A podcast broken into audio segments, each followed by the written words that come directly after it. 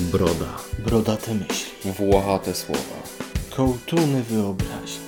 Broda, Broda kwadrat. kwadrat.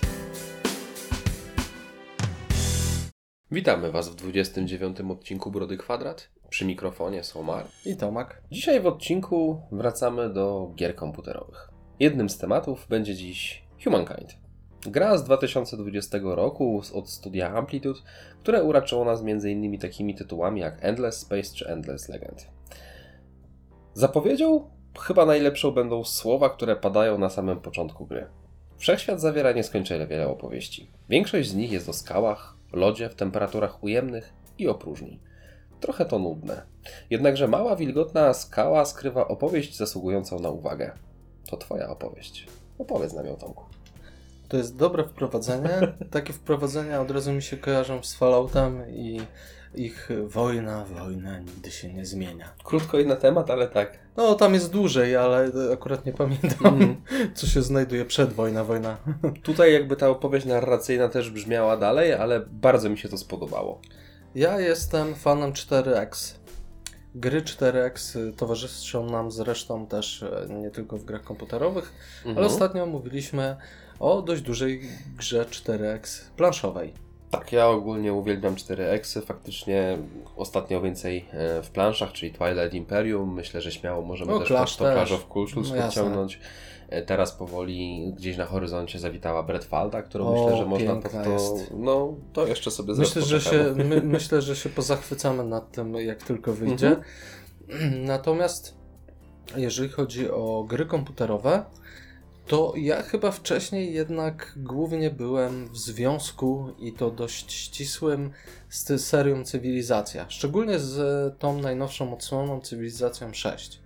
Ale też nie powiem, zaglądałem też bardziej kosmiczne klimaty i tutaj wspomniane przez Ciebie Endless Space Mhm. urzekł mnie dużo bardziej niż Stellaris. Stellaris był dla mnie taki nieprzystępny.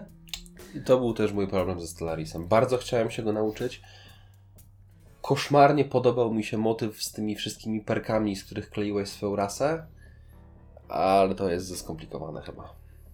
Endless Space miał niższy próg wejścia, Mhm. a później poszedłem za ciosem i zagrałem w Endless Legends, który też bardzo mi się spodobał, bardziej wchodził w taką e, wersję cywilizacji fantazy. Mhm.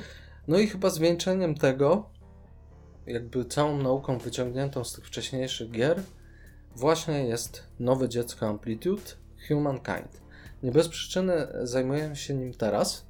Dopiero teraz ta gra została załatana na tyle, że mogę w pełni ją polecić i powiedzieć, tak, ona jest teraz grywalna. Niestety na premierę e, no nie było z tym najlepiej. Na szczęście studio Amplitude udowodniło, że cały czas pracuje nad tą grą, cały czas ją wspiera, zaczęło też wydawać dodatki i myślę, że skupimy się najpierw wokół samego trzonu.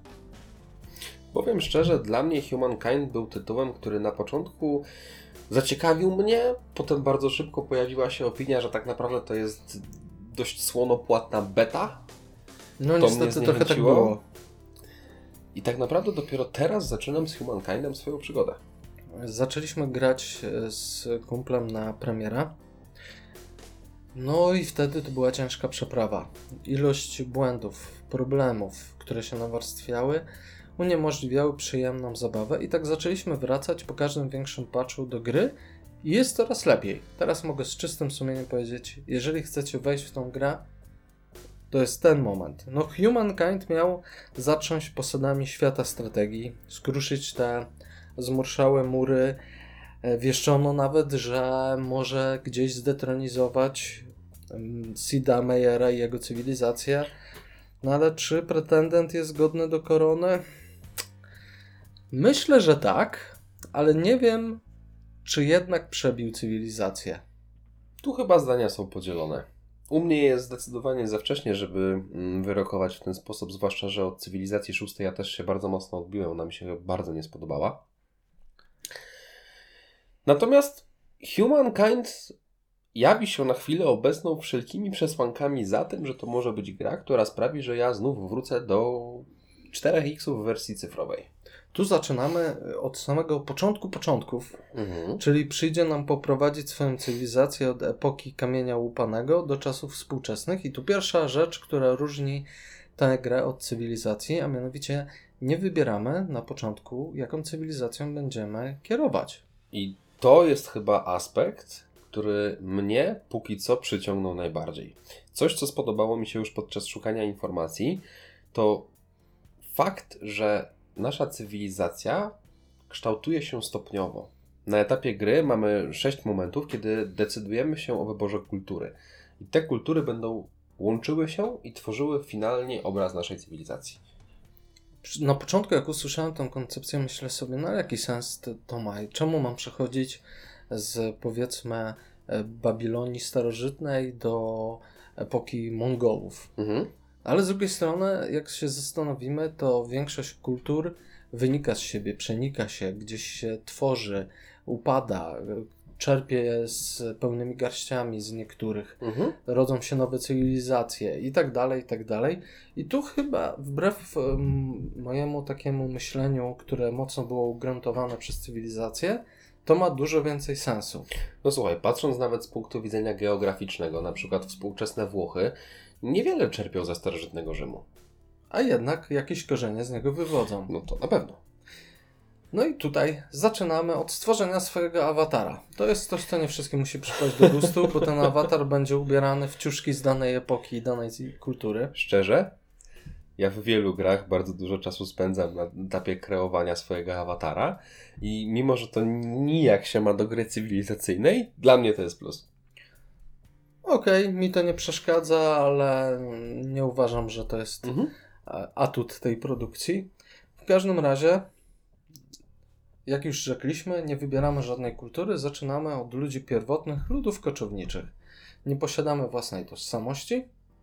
Przemierzamy losowo wygenerowany świat, szukamy głównie żywności, polujemy na zwierzęta, tworzymy pierwsze posterunki, do których, e, które stanowią jakby taką w cudzysłowie bazę wypadową, choć w gameplayu tak Mhm. nie jest zdobywamy jakieś punkty nauki, jakby odkrywamy coś, posuwamy się do przodu i oś, jak osiągniemy pewien wynik punktacyjny, możemy przeistoczyć się w pierwszą kulturę osiadłą, czyli przestajemy być tym ludem koczowniczym i wchodzimy w taką wczesną epokę mm, pierwszych y, kultury osiadłych. Też bardzo fajnym aspektem moim zdaniem jest to, że gra wymusza na nas pewną elastyczność. To znaczy, jeżeli któryś z graczy wcześniej dojdzie do tego etapu przed nami, no to on ma pierwszeństwo wyboru z większej puli. Nigdy nie będziemy mogli wybrać czegoś, co któryś z graczy już wybrało.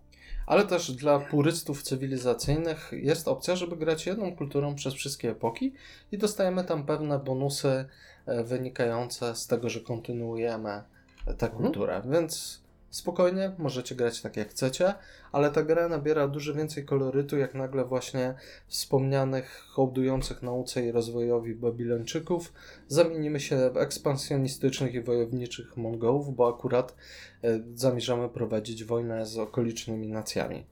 Nie ma z tym problemu, a wręcz wiąże się to z ciekawymi twistami w rozgrywce, bo każda, każdy rodzaj tej kultury zmienia styl rozgrywki. Mamy kultury agrarne, skupiające się wokół żywności, zwiększania ludności. Mamy kultu, kultury przemysłowe, które hołdują rozbudowie. Mamy ekspansjonistyczne, poszerzające e, swoje tereny. Mamy te, które skupiają się wokół wojaczki. E, Mamy te, które skupiają się na estetyzmie i jakby pięknu kulturowym. Więc jest tego sporo i przy okazji fajne jest to, że każda kultura daje nam jakiś specjalny budynek, specjalny jakiś bonus i specjalną jednostkę. Tak samo jak w cywilizacji rozwijamy technologię i to one kierunkują nas y, w dalszym rozwoju naszych miast, no i rozwijamy oczywiście miasta. O ile w początkowych fazach w ogóle nie odczuwa się mikrozarządzania, to w późniejszych też jest to o dziwo dużo bardziej płynne, niż w cywilizacji szóstej. Mhm. Powiedz mi, co było największym problemem dla ciebie, od czego się odbiłeś z, właśnie z cywilizacją? Wiesz co, ja jeżeli chodzi o gry cywilizacyjne, bardzo sobie cenię nie tylko jakby ich pozytywne aspekty, ale mierzenie się z problemami, które takie cywilizacje nam dają. I na przykład y, coś, co zresztą jest w świecie realnym bardzo mocno odzwierciedlone, w momencie, kiedy cywilizacja, imperium rozrasta się do pewnego stopnia, to zaczyna się jakby wyniszczać, zjadać od środka. W cywilizacji szóstej, szóstej nie mieliśmy w ogóle żadnej mechaniki, która blokowała nas od tego, żeby rozbudowywać ilość miast w opór. Co każda- było w piątce? Każda poprzednia miała tą mechanikę, a tak naprawdę tutaj gra trochę sugerowała, że iść w tą stronę to jest jakby najlepszy sposób na efektywną grę. No i później zamieniało się to niestety w koszmar mikrozarządzania. Mhm. I to naprawdę potrafiło zajmować niepotrzebne godziny tylko i wyłącznie z tury na turę, żeby cokolwiek budować w tych kilku, kilkunastu miastach. Tu z góry jesteśmy e, troszeczkę zamknięci. Zaczynamy od dostępu do jednego miasta, potem rozszerzamy ilość dostępnych miast Mhm. bez minusów i kar. Ale jeżeli przekroczymy ten limit, Mhm. wtedy dochodzi o do znacznych kar wynikających z za dużego imperium. Czy z tego, co zaobserwowałem tutaj w Humankindzie póki co, to nawet w momencie, kiedy założymy ten pierwszy posterunek, bo de facto zaczynamy od posterunku, potem przekształcimy go w miasto, to nic nie stoi na przeszkodzie, jeśli się bardzo uprzemy, żeby wszystkie obszary przełożyć do tego jednego miasta i Możemy stworzyć zrobić. coś na kształt państwa miasta. Tak, możemy takie megalopolis Mhm. dosłownie stworzyć. Gra też pozwala na to i można grać w ten sposób efektywnie. Więc nie jest to tak, że sobie wydumamy taki koncept i nie da się go zrealizować. Oczywiście raczej ona jest podstosowana pod to, żebyśmy mieli kilka dobrze rozwijających się miast. Jest to łatwiejsze do ogrania.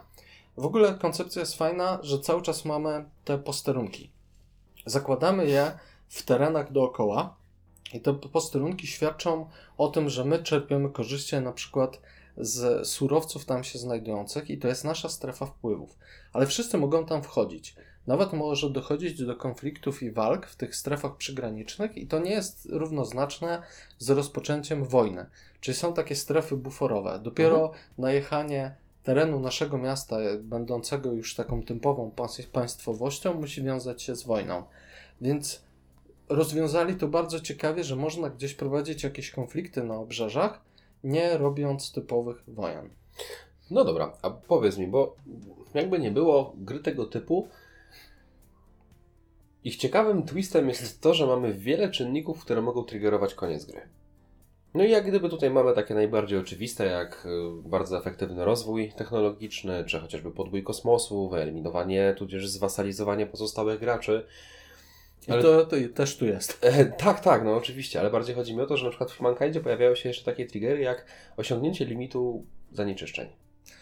Na szczęście można to usunąć. Tak, to, to była jest najgorsza, to była najgorsza możliwa bolączka początkowych faz. Zanieczyszczenie było tak źle zrobione i dało się w tak e, absurdalny sposób z tym walczyć. Po prostu dało się tylko i wyłącznie sadzić lasy i zmieniać trochę technologię. I potrafiło być to niezbalansowane. Teraz obecnie na szczęście można e, wyeliminować to całkowicie z gry. Tak, no teraz możemy sobie powybierać, które czynniki już na początku gry będą wpływały na jakby odpalenie triggera końca gry. O. To prawda i z jednej strony jest to fajne, z drugiej strony mm, zależy od tego, jaką grę preferujesz. W sumie możesz sobie dostosować, ale jest jeden aspekt, który na początku dominuje, czyli punkty. Mhm. Możemy mieć wygraną poprzez zakończenie limitu tur i ten, kto ma najwięcej Mhm. punktów, tak zwanych gwiazdek w tym wypadku, ten wygrywa. To jest dość klasyczne dla 4X-ów. No i tu pojawia się pewien zgrzyt, mm, bo to zależy. Miałem taką sytuację, że gdzieś tam byłem w topce, Mhm. jeżeli chodzi o punktację, ale jakaś cywilizacja AI na trudniejszym poziomie wystrzeliła do góry. Widząc to, przestawiłem się całkowicie na militarystyczną e, kulturę i zacząłem ich atakować. Podbiłem wszystkie ich Mhm. tereny, nawet poświęcając e, no tak naprawdę poziom e, spokoju w moim Mhm. państwie i to, że ciągła wojna wpływała negatywnie na zadowolenie ludności i podbiłem ich. Ale przez, mimo, że ich podbiłem, to przez to, że mieli więcej punktów, a to był jeden z czynników, za który się wygrywa, to wygrali. Znaczy tu jest bardzo dziwne właśnie to, że punktować może nawet cywilizacja, która tak naprawdę już de facto upadła. Nie ma mechanizmu blokującego. Przypuszczam, że jakbym zwasalizował ich, to bym, że wygrałbym ich, jako ich suweren. Ale nie mogłem tego sprawdzić, bo niestety doszła do tego nie do końca jeszcze zbalansowana mechanika, aczkolwiek ciekawa, dotycząca kapitulacji. I na tym chciałbym się troszeczkę więcej skupić, na tej kwestii wojennej, bo jeżeli chodzi o ekonomię, rozwój miast, on jest bardzo podobny do tego, co znamy z cywilizacji. I jest to zrobione dobrze. Niektóre rzeczy są no, tak naprawdę jeden do jednego przeniesione, inne troszeczkę w inną stronę rozwinięte, ale jest to spójne, działa dobrze. Jeżeli chodzi o wojnę, to tutaj musimy wypowiedzieć drugiej strony wojny. Bardzo podoba mi się w ogóle motyw tej mechaniki nastrojów wojennych. y, O, właśnie y, do tego zmierzam. Mhm. Czyli możemy budować nastroje wojenne, żeby mieć kasus belli znane z cywilizacji. I możemy na przykład, e, może to być naruszanie naszych e, posterunków, może to być naruszanie naszej kultury, naszej religii, ucisk jakiegoś ludu. Może to być niepodpisanie z nami traktatu. Mamy możliwość z powodu jakichś negatywnych interakcji ze strony innych nacji, żeby wystawić im żądania. Jeżeli ktoś nie spełni tych żądań, to nasze nastroje rosną. Im większe nastroje, tym łatwiej wypowiedzieć wojnę i dłużej ją prowadzić. No. Jeżeli zaatakujemy z nienacka, to tracimy bardzo dużo w oczach innych, to jest jedna rzecz. A druga rzecz, nasze nastroje mogą być na tyle niskie, że mimo jakichś tam drobnych sukcesów i tak nasz naród szybciej zmęczy się wojną. Mechanizm super. Dodatkowo, za podbijanie e, przeciwnika podczas walki nie przejmujemy dosłownie jeden do jednego tych ziem, które podbiliśmy, tylko na koniec dochodzi do kapitulacji Mhm. albo podpisania pokoju i w zależności od tego, jakie punkty przewagi osiągnęliśmy, to możemy żądać, żeby dane ziemie zostały nam przydzielone. I rzadko kiedy to będzie tak, że zajęliśmy pół królestwa i pół królestwa dostaniemy. Nie, raczej możemy zostawić sobie tam jedną trzecią, czasami połowę tego, co się nam udało wygrać, a czasami na przykład bardziej nam się opłaca zniszczyć komuś gospodarkę i zażądać reparacji wojennych jeszcze za to, że ich podbiliśmy a zostawić im wszystkie ziemie. Powiedz mi, bo w sumie ty grasz trochę więcej, znaczy ty grasz dużo więcej, ale co w ogóle sądzisz o mechanice, która pozwala nam część tych bitew, znaczy właściwie zasadniczo nawet każdą bitwę, rozgrywać w czasie rzeczywistym? Korzystasz w ogóle z tego trybu? Ja korzystam wręcz przeciwnie z automatycznego Mhm. rozstrzygnięcia, tylko i wyłącznie, jeżeli mam znaczną przewagę, żeby nie stracić jednostek. Bo jednak e, automatyczne rozegranie zazwyczaj doży, dużo gorzej się sprawdza niż ręczne. Mhm. O ile na początku, przed patchami, e, walka była toporna, nieintuicyjna i niezbyt przyjemna, tak teraz, może to nie jest Total War, Okej. ale czerpię z tego satysfakcję. Otóż jak dochodzi do walki, rozstawiamy się na mapie strategicznej, która jest umiejscowiona na, Na tych obszarach. na tych obszarach, w których fak- faktycznie walczymy. Tylko w zależności od terenu mamy jakby określoną ilość haksów, na których możemy rozgrywać tą walkę i po, poza nie nie możemy wyjść. Więc tu kształtowanie terenu ma bardzo duże znaczenie. I często może być tak, że nawet mając dużo silniejszą armię y, albo liczniejszą, ze względu na kształtowanie terenu i tak nie jesteśmy w stanie tego wygrać. I jeżeli chodzi o bitwy, bitwy toczą się w trzech turach wewnątrz jednej tury świata gry. Czyli raz ty, raz przeciwnik i tak trzy razy. I pierwszy, który atakuje, zaczyna też pierwszy, co jest cholernie istotne, szczególnie, że po, na początku w swojej turze jesteśmy w stanie wyeliminować kilka jednostek nawet Mhm. czasami, przez to przechylić szale zwycięstwa na jedną bądź drugą stronę.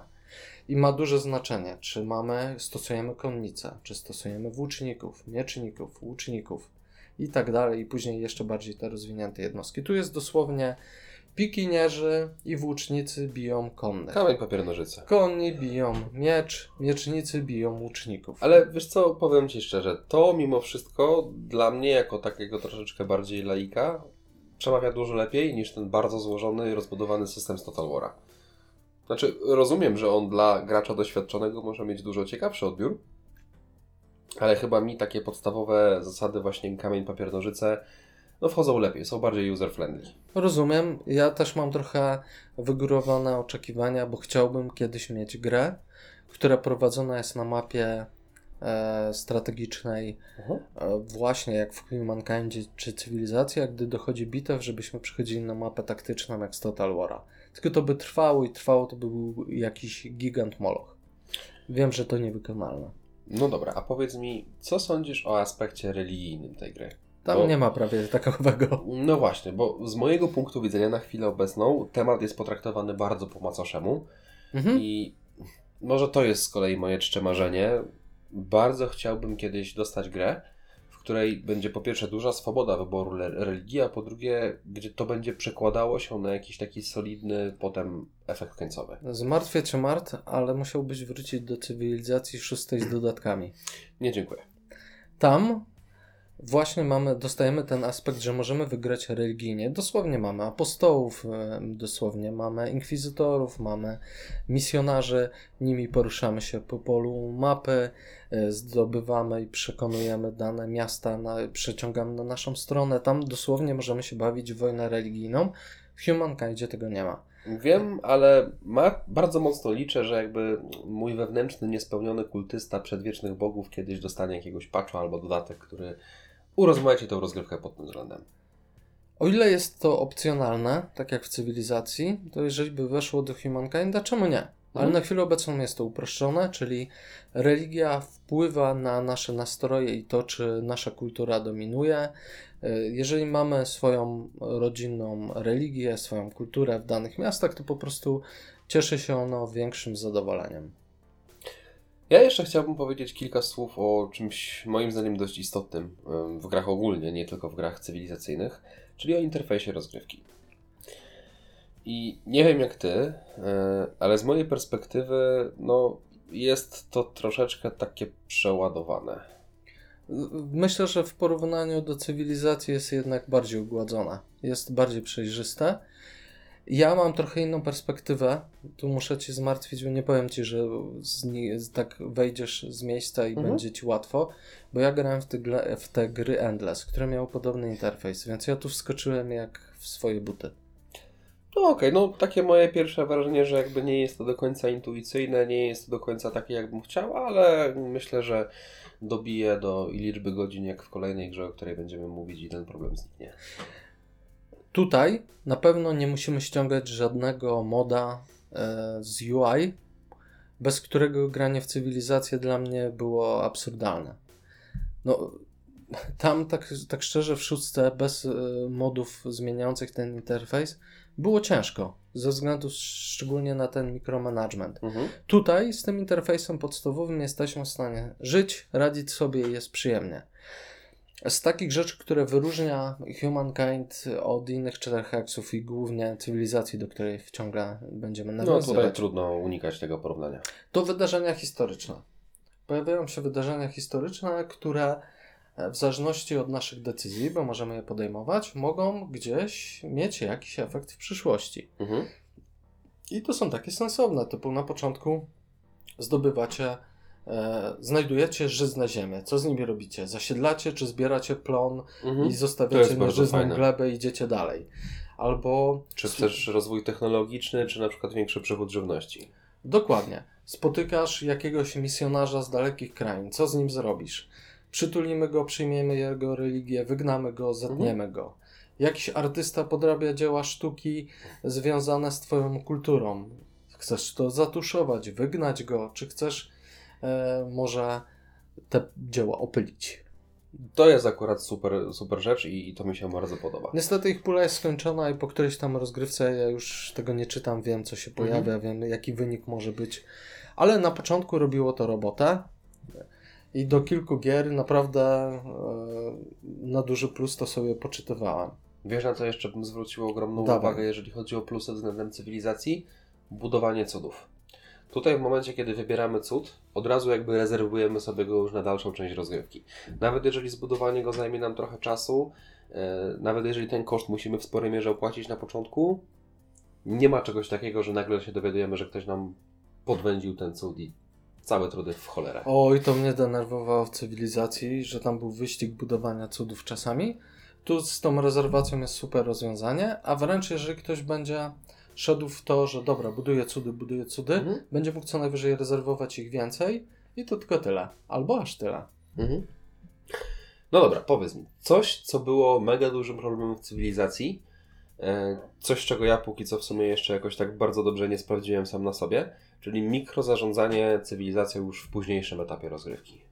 No coś, co wspomniałem, że w cywilizacji Sida Meyera było dla mnie bolączką. Tutaj jest dużo lepiej. Mhm. Nie mówię wciąż, że nie bywa to momentami zbyt przytłaczające, ale nie mamy tak, że gra nas atakuje jakimiś setkami tabel, statystyki. My musimy każdy ruch, e, każde osadzenie dzielnicy czy budynku e, przemyśleć. Nie, tu jest o tyle fajnie, że gra nam czasami podpowiada, gdzie najbardziej efektywnie jest w danej chwili postawić budynek. Oczywiście ci, co bardzo mocno przewidują e, i tworzą sobie takie e, małe silniczki, mechanizmy rozwojowe, Mhm. będą czerpać większą satysfakcję, ale z drugiej strony ktoś, kto chce po prostu przejść dalej, będzie miał te podpowiedzi od gry. I w, na każdym polu, na każdym heksie, jak chcesz coś postawić, to gra ci pokazuje i jaki będziesz miał z tego efekt. Już uwzględniając synergię z innych dzielnic. To jest super, bo dużo technologii odwołuje się do synergii, na przykład jeżeli twoja dzielnica z żywnością jest na polu rzeki, to dostajesz jakieś tam plusy. Jeżeli łączy się z inną dzielnicą e, odpowiadającą za żywność, dostajesz jeszcze więcej plusów.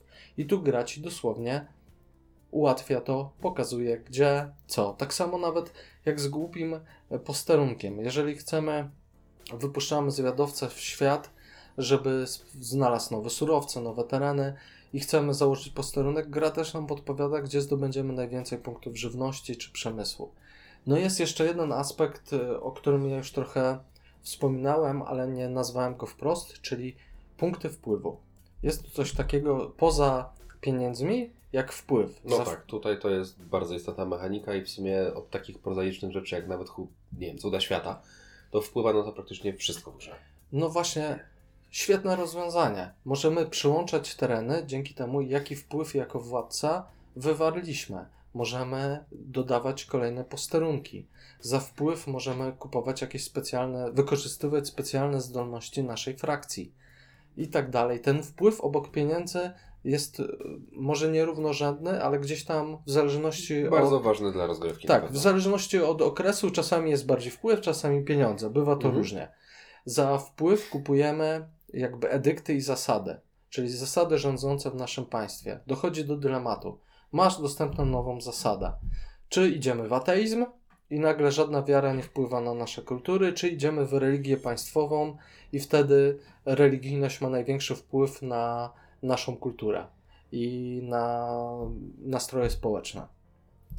Więc naprawdę bardzo fajna sprawa. Wszystko jest intuicyjne. Myślę, że jest dużo łatwiejsze, jeżeli chodzi o próg wejścia, niż cywilizacja mimo wszystko.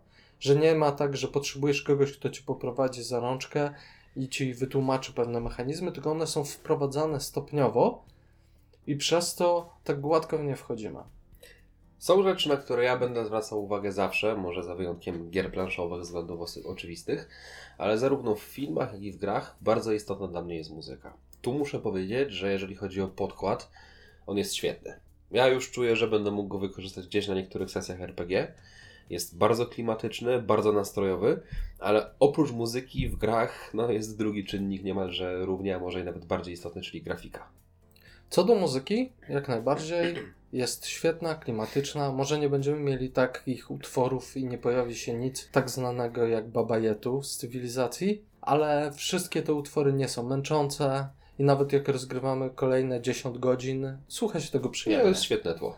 Jeżeli chodzi o grafikę, cukierkowo-pastelowa, Mhm. nieco przejaskrawiona, ona z rzeczywistością nie ma wiele wspólnego. Te jednostki też mają takie kreskówkowe trochę kształty. Znaczy, jasne, Humankind ma swoją taką dość specyficzną kreskę, ale powiem Ci szczerze, na przykład to podoba mi się dużo bardziej niż cywilizacja, która, zwłaszcza ta ostatnia, to nawet nie był settlersowy vibe. Nie wiem, co to było w sumie, ale Humankind radzi sobie z tym znacznie lepiej. Grafika dużo bardziej mi się podoba, tereny, to jak to jest przedstawione, naprawdę świetna. No dobra. Ile ty w tym momencie masz mniej więcej rozegranych godzin Humankinda? No, na razie to jest setka, ale zapowiada się, że na pewno będzie tego więcej.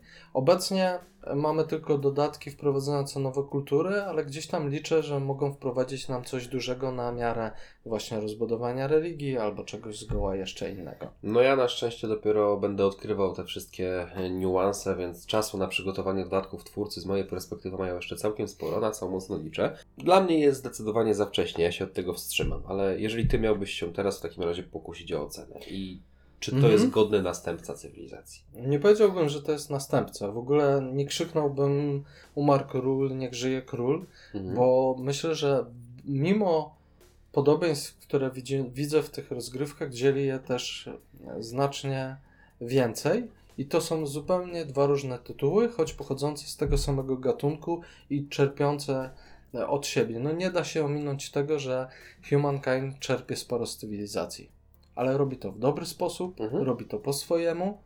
Może nie zdetronizował cywilizacji, ale póki co to ja gram w Humankinda, a nie wracam do szóstki. No dobrze. Ocena? Po tych wszystkich patchach, łatkach, szczególnie tych wpływających na bezproblemową grę w multiplayer, bo wcześniej muszę Ci wspomnieć, niestety grając ze znajomymi mieliśmy problemy z e, synchronizacją, problemy z zapisami. Na chwilę obecną tego już nie ma i tak jak miałbym oceniać teraz tą grę, to jest dla mnie 9 na 10. Mam nadzieję zatem, że i mi spodoba się to w równej mierze. A tymczasem przejdźmy do drugiego tytułu. którym- No czegoś z, bardziej z Twojego poletka. może bardziej moje poletko, może troszkę bardziej mroczne klimaty, a mianowicie Iratus, Lord of the Dead. Czyli ktoś e, zagrał w Darkest Dungeon i zapytał sam siebie, a co jakbyśmy odwrócili rolę? I przy okazji zrobili grę dużo bardziej przyjazną dla użytkownika. I dlatego ja w nią też zagrałem. Od Znaczy, Darkest Dungeon się odbiłem. Żeby było śmieszniej, to tak naprawdę Iratusa poleciłeś mi ty, ja go wcześniej nie znałem. Słowem wstępu, gra z 2019 roku, e, producentem jest studio Unfrozen. Gra cieszy się naprawdę fajnym odbiorem, 85% e, pozytywnych ocen na Steam. Ja na chwilę obecną mam rozegranych około 60 godzin. Także no, myślę, że uczeń przerósł mistrza w tej kwestii, jeśli mogę no tak ja mam powiedzieć. trochę mniej, bo około 20 i raczej nie będę wracał, ale to nie dlatego, że to zła gra. Do tego też zresztą przejdziemy. Mhm. No dobra. Jeżeli chodzi o Iratusa z mojej perspektywy, to jest dokładnie tak jak powiedziałeś. Jako ogromny fan Darkest Dungeon, a jednakowoż gry, która miażdżyła nas poziomem trudności, ilością różnych mikrozasad, ta gra była czymś ożywczym, czymś bardziej przystępnym, a jednocześnie coś, co ja uwielbiam, pozwalała nam stanąć po tej mroczniejszej stronie. To, o czym wspomniałeś. Gra jest przystępna. Możemy wybrać sobie poziom trudności. Jak ktoś chce, może dojść do tego ekstremalnego, który będzie cię miażdżył, gnoił, jak w Darkeście. Mhm.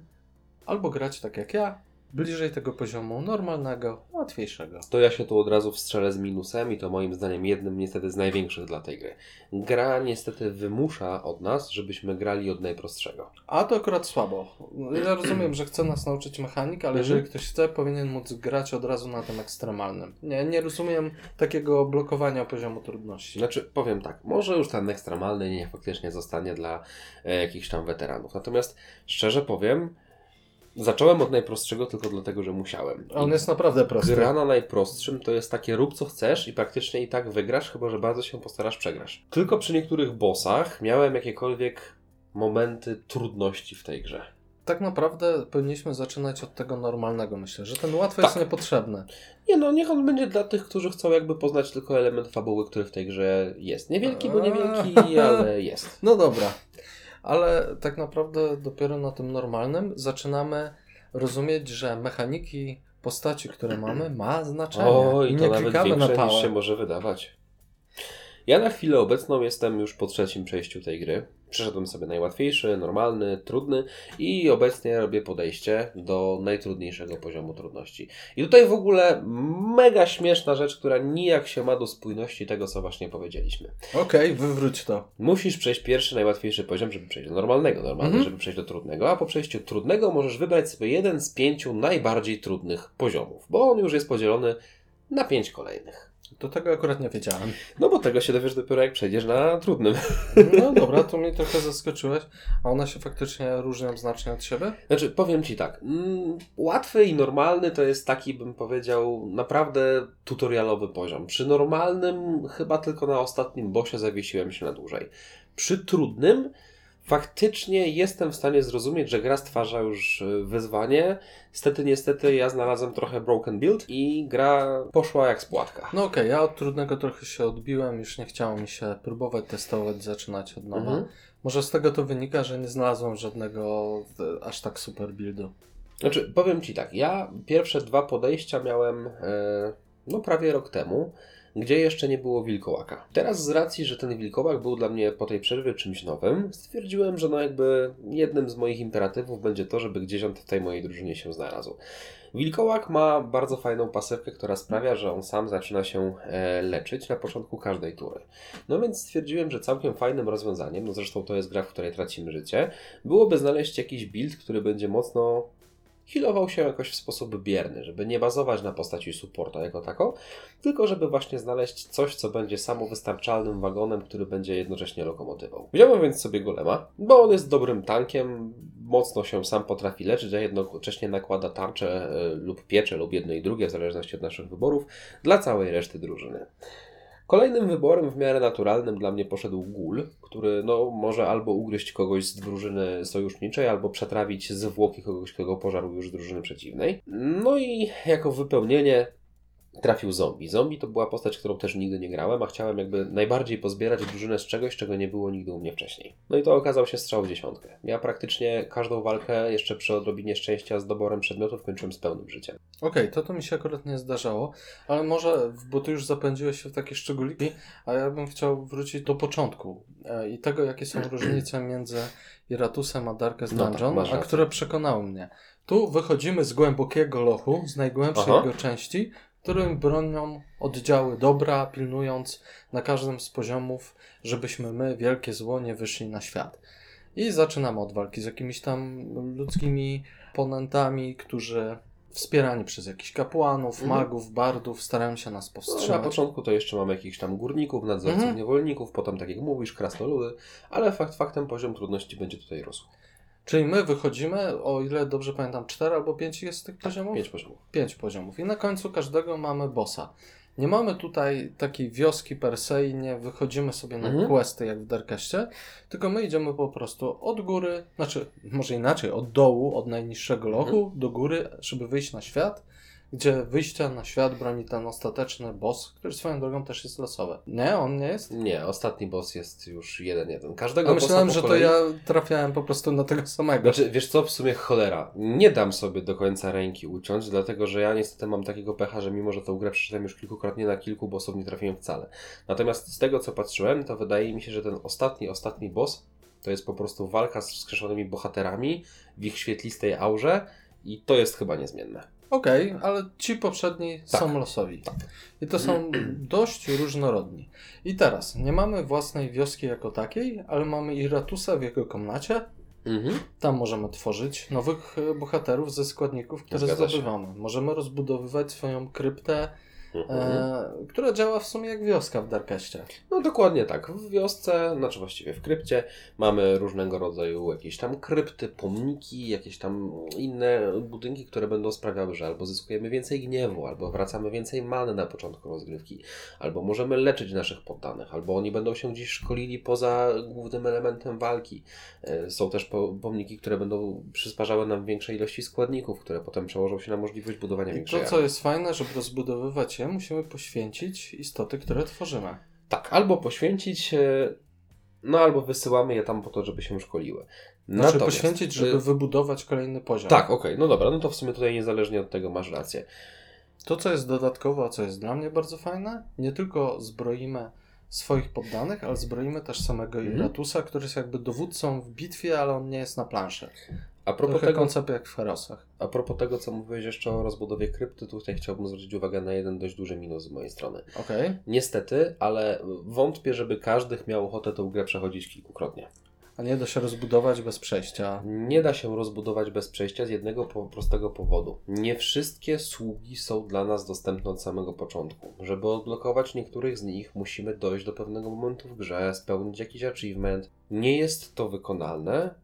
A druga sprawa, dusze kopaczy, które są niezbędnym składnikiem, jakby jedynym Mhm. surowcem do rozbudowania, przy pierwszej rozgrywce idą jak flaki z olejem. E, nie miałem takiego odczucia, szczególnie zależy jakie umiejętności Iratusa zainwestujemy i co wybudujemy na Okej, początku. no to może faktycznie ja przy pierwszej rozgrywce za bardzo skupiłem się na tempej walce, bo pamiętam, że wtedy miałem dość du- duży problem e, z rozbudową wioski. A na przykład przy ostatnim rozbudowałem wszystko na maksa, gdzieś na poziomie końca trzeciego lochu i potem po prostu te dusze kwitły u mnie. Ale widzisz, ja nie czuję takiego problemu wynikającego z tego, co mówisz. To może przeszkadzać komuś, kto musi mieć rozbudowane na koniec wszystko. A tutaj na tych poziomach, co ja grałem, czyli łatwym i normalnym, mimo że nie mam całej wioski na koniec, to nie przeszkadza mi to w osiągnięciu celu. Dodatkowo No. jeszcze, poza zdolnościami e, naszych podopiecznych, mamy zdolności Iratusa i magię. I to jest Fajny super. koncept. Znaczy generalnie to mamy nawet chyba jakby kilka tych szkół magicznych. No tak, tak. Jest destrukcja i wybór jest ogromny. I tak naprawdę, niezależnie od tego, w którą pójdziemy, na końcu tego drzewka znajdziemy naprawdę wartościowe zaklęcia. Mamy takie zdolności, które wspierają wszystkie oddziały, które wpływają Mhm. na odnawianie, na zwiększanie właśnie e, tego zdobywania dusz, za które rozbudowujemy wioskę. Mamy magię, które możemy stosować bezpośrednio w walce. Jest tego multum. Tak samo artefakty, które zakładamy na Iratusa, jak go uzbrajamy, mają tak. znaczne, znaczny wpływ na rozgrywkę. No tutaj gra tak naprawdę nabiera zupełnie innego oblicza, bo możemy znaleźć tak różną pulę przedmiotów, która będzie tak mocno łączyła się z niektórymi określonymi buildami, no, że spektrum jest szerokie. Jeżeli chodzi zaś o samą walkę, dla mnie tu jest dużo bardziej miodna niż w Darkestie. No ja Przede wiem, wszystkim. wiem, co tu jest dla Ciebie głównym plusem. Jedna podstawowa rzecz, inicjatywa. Ja wreszcie widzę, kto jest w jakiej kolejności. Jestem w stanie ułożyć strategię, Mhm. a nie ta kolejność mi jest pokazywana w zależności od obecnej inicjatywy. Tylko No, ja widzę, jako inicjatywa się zmienia, kto w Po kolejce prostu masz ściśle pokazane kafelkowe. W Darkest Dungeon to była bardzo skomplikowana mechanika, gdzie ten algorytm był wyliczany w widełkach, zmienny w zależności od sytuacji i tak naprawdę trzeba było nieźle murzyć, żeby w ogóle estymować, kto będzie ruszał się kolejny. Nienawidzę czegoś takiego, bo to pozbawia grę taktyki. A No tu tak. mogę w pełni przewidzieć, widzę kto mnie zaatakuje, kiedy będzie moja postać, jak mój czar Mhm. inicjatywy e, zmienia nagle kolejności, jak bardzo dużo wpływa. Widzę to wreszcie. Kolejna rzecz. Te walki są dość dynamiczne. Może zależy od buildu jeszcze, Mhm. ale nie dłużyły mi się. E, Kolejna sprawa. Animacje, mimo że są dość proste, są ładne. Te postacie też fajnie wyglądają. Tutaj nie powiem mimo wszystko, jeżeli chodzi o sam koncept graficzny, to Darkest Dungeon jest dwa piętra wyżej, bo tam ten klimat był niepodrabialny i trochę mi do niego tęskno. Natomiast Tutaj Okej. postacie są nieco kukiełkowe, Troszkę powiedziałbym. tak i w przypadku niektórych skinów bym powiedział takie nawet niespójne. Niemniej gra zrobiona jest naprawdę fajnie. Ale mamy tutaj multum postaci, chyba ze 20-30 dostępnych do grania. Trochę mniej, ale jest ich dużo. I odblokowujemy też z czasem. Mamy takie prozaiczne jak jakiś mroczny rycerz, Mhm. szkielet, Zombie. Ale dochodzi do tego jakieś upiory, licze, krwawe golemy i tym podobne rzeczy. No, pula wyboru jest naprawdę du- ogromna, a poza tym jeszcze to, co wspomnieliśmy na samym początku, czyli możliwość łączenia synergii różnego rodzaju tych bestii, daje tak szeroki spektrum możliwości, że no myślę, że ja jeszcze kilka razy zdążę przejść tą grę i bawić się klasami, którymi nie grałem wcześniej. Każda z postaci ma sześć umiejętności aktywnych, Mhm. z czego ostatnia aktywuje się pod wpływem gniewu, czynnika, który narasta e, w trakcie walki. W przypadku niektórych postaci ostatnie dwa będą triggerowały ten gniew, ale ogólnie tak jak mówisz. Poza tym, każda z tych sześciu umiejętności tak naprawdę na etapie rozwoju naszego monstrum będzie miała dwie ścieżki rozwoju. Super jest to z Tak, dwoma to, to jest mega świetne, zwłaszcza, że one naprawdę potrafią odnosić się do no, mega różnego efektu końcowego. Pomyślcie, że macie kilkanaście postaci. Każda ma dwa aspekty każdej zdolności i każdy z tych aspektów inaczej kombi się z różnymi innymi aspektami innych postaci. Absurdalna ilość kombinacji. No myślę, że tutaj jakby ilość różnych wariantów jest, powiedziałbym, wręcz nieskończona. Jak ktoś lubi bawić się w takie minimalksowanie, odnajdzie się w tej grze, szczególnie na tych trudniejszych poziomach, a z drugiej strony, jak ktoś tak jak ja, może aż tak bardzo nie chce się w to zagłębiać, będzie czerpał z tego przyjemność Mhm. także na tych niższych. Ja na pewno zwróciłbym jeszcze uwagę na sam mechanizm poruszania się po mapie. Bardzo podoba mi się to, że to tak naprawdę jest labirynt, ale mamy podgląd całego, całej mapy od samego początku. Czyli jeżeli bardzo chcemy, możemy sobie oddalić, spojrzeć dokładnie na różnego rodzaju ścieżki, poszukać bonusów, które bardziej nas interesują i tak dokładnie obrać drogę, żeby albo tych walk było więcej, albo tych walk było mniej, albo żeby więcej było spotkań losowych, które mogą przekładać się na późniejsze bonusy. Tylko tutaj inaczej niż w Darkessie, idąc jedną ścieżką odcinamy sobie pozostałe, ale ja nie widzę nic w tym złego. Nie chcę wcale backtrackingować po całej mapie. Znaczy, paradoksalnie, jeżeli bardzo się uprzemy, to możemy podróżować takim zygzakiem, że i tak przejdziemy bardzo długą ścieżką. Ale jeżeli chcemy, to możemy obrać też najkrótszą. Nic nie stoi na Nie. przeszkodzie. Dodatkowo awansują nam postacie, awansuje nam Iratus. Mhm. Mamy cały czas to poczucie przyrostu. Dodatkowo pojawia się taki aspekt jak mózgi, które znajdujemy, i dzięki nim możemy szybciej ewoluować te postacie, y, które dopiero co odkryliśmy i chcemy je włączyć do drużyny. Tak, żeby nie było, że musimy ich levelować od samego zera. Co też jest to super. jest ogólnie bardzo fajne i okej, w Darkeście mieliśmy ten obóz, znaczy ten wagon, którym mogliśmy rozwijać i zbierać tych naszych y, członków drużyny na nieco wyższych poziomach. Ale to i tak były ogromne przepaści. Jeśli straciliśmy kogoś witalnego, to czasem nadrobić tą stratę było no, niewykonalne. Tutaj pomijając, że możemy sobie saveować, to dodatkowo jeżeli stracimy kogoś, nie czujemy aż takiego bólu. Wprawdzie tam niektóre przedmioty jednorazowe odpadają, czy składniki, z których tworzymy naszych podopiecznych, ale w gruncie rzeczy nie jest tak, że jak stracimy kogoś, to już y, jest koniec gry i możemy zaczynać od nowa. Nie, zwłaszcza, że zazwyczaj jeżeli padnie nam jakieś już rozbudowane monstrum, to zyskujemy część tych przedmiotów, które on miał, albo jakieś bardziej istotne składniki. Poza tym, tak jak mówisz, on te mózgi trafiają nam się przy odpowiednich perkach poziom 2 niższe. To nie jest taka przepaść, której nie bylibyśmy w stanie potem już przeżyć, albo coś, co wręcz blokowałoby nas na jakimś tam etapie rozgrywki. W ogóle są nawet buildy, tylko y, w życiu nie chciałbym ich spróbować, opierające się na śmierci naszych podopiecznych. Tak, zgadza się i myślę, że to w jakiś sposób może łączyć się jeszcze z możliwością przywoływania naszych podopiecznych.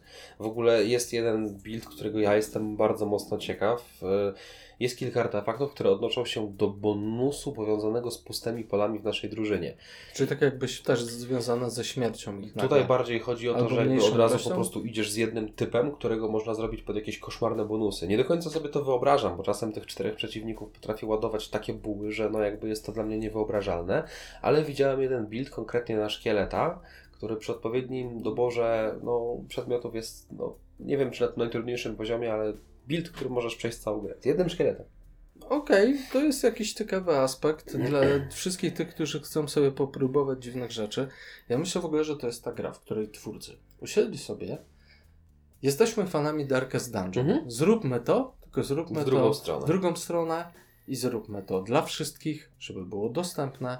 Usuńmy te minusy czy warianty, które najczęściej ludziom przeszkadzają. I dla mnie, jako kogoś, kto się odbił od Darkesta i którego Darkest denerwował niektórymi mechanikami, ta gra jest super.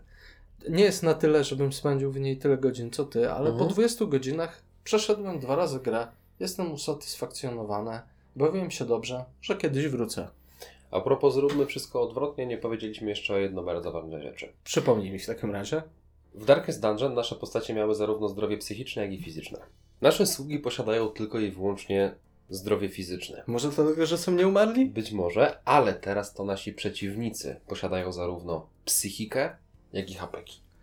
I to fantastyczna rzecz, bo możemy grać albo na przerażanie ich, albo na zabieranie im życia. Chociaż z mojego doświadczenia e, chyba jednak ważniejsze jest zabieranie życia. Mogę się mylić, ale... Mm, Wiesz co, powiem tak, ja póki co jeszcze nie odważyłem się na taki pełny build na zdrowie psychiczne, ale zamierzam. Natomiast zabijanie ich bezpośrednio jest dużo bardziej pełne. W momencie, kiedy postać traci punkty zdrowia, po prostu znika. W momencie, kiedy postać traci zdrowie psychiczne, no ona jeszcze musi paść na zawał. Ona jeszcze dalej może pozostać na polu bitwy. No i jedyne co jest szansa, żeby zaatakowała swoich. Tam jest dużo innych fajnych czynników, jakby to jest bardzo rozbudowane i jestem tego ciekaw. Natomiast coś, czego się obawiam, to to, że w trakcie rozgrywki napotykamy przeciwników, którzy tego zdrowia psychicznego nie mają. Ożywione zbroje, golemy No tak. i tego się boję. I coś czuję, że wtedy musimy bawić się w e, dwie drużyny na różnych buildach. Znaczy, żaden z potworów nigdy nie jest zrobiony tylko pod dewastowanie jednego z tych. Zazwyczaj mamy wybór umiejętności. Poza tym myślę, że sporym uzupełnieniem dochodzi tutaj magia Iratusa.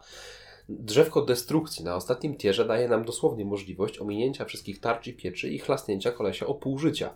Także to jest ogrom, tylko też kosztuje stosunkowo dużo many. A te potwory, które idą w niszczenie zdrowia psychicznego, często mają też jakieś różne feature'y, które pozwalają nam efektywnie odzyskiwać manę. Także Jak słyszycie, multum opcji.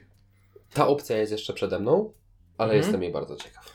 No dobra, nie ma co ukrywać, że to jest gra, która zdecydowanie się udała, bo klonów znanych gier mamy zazwyczaj multum.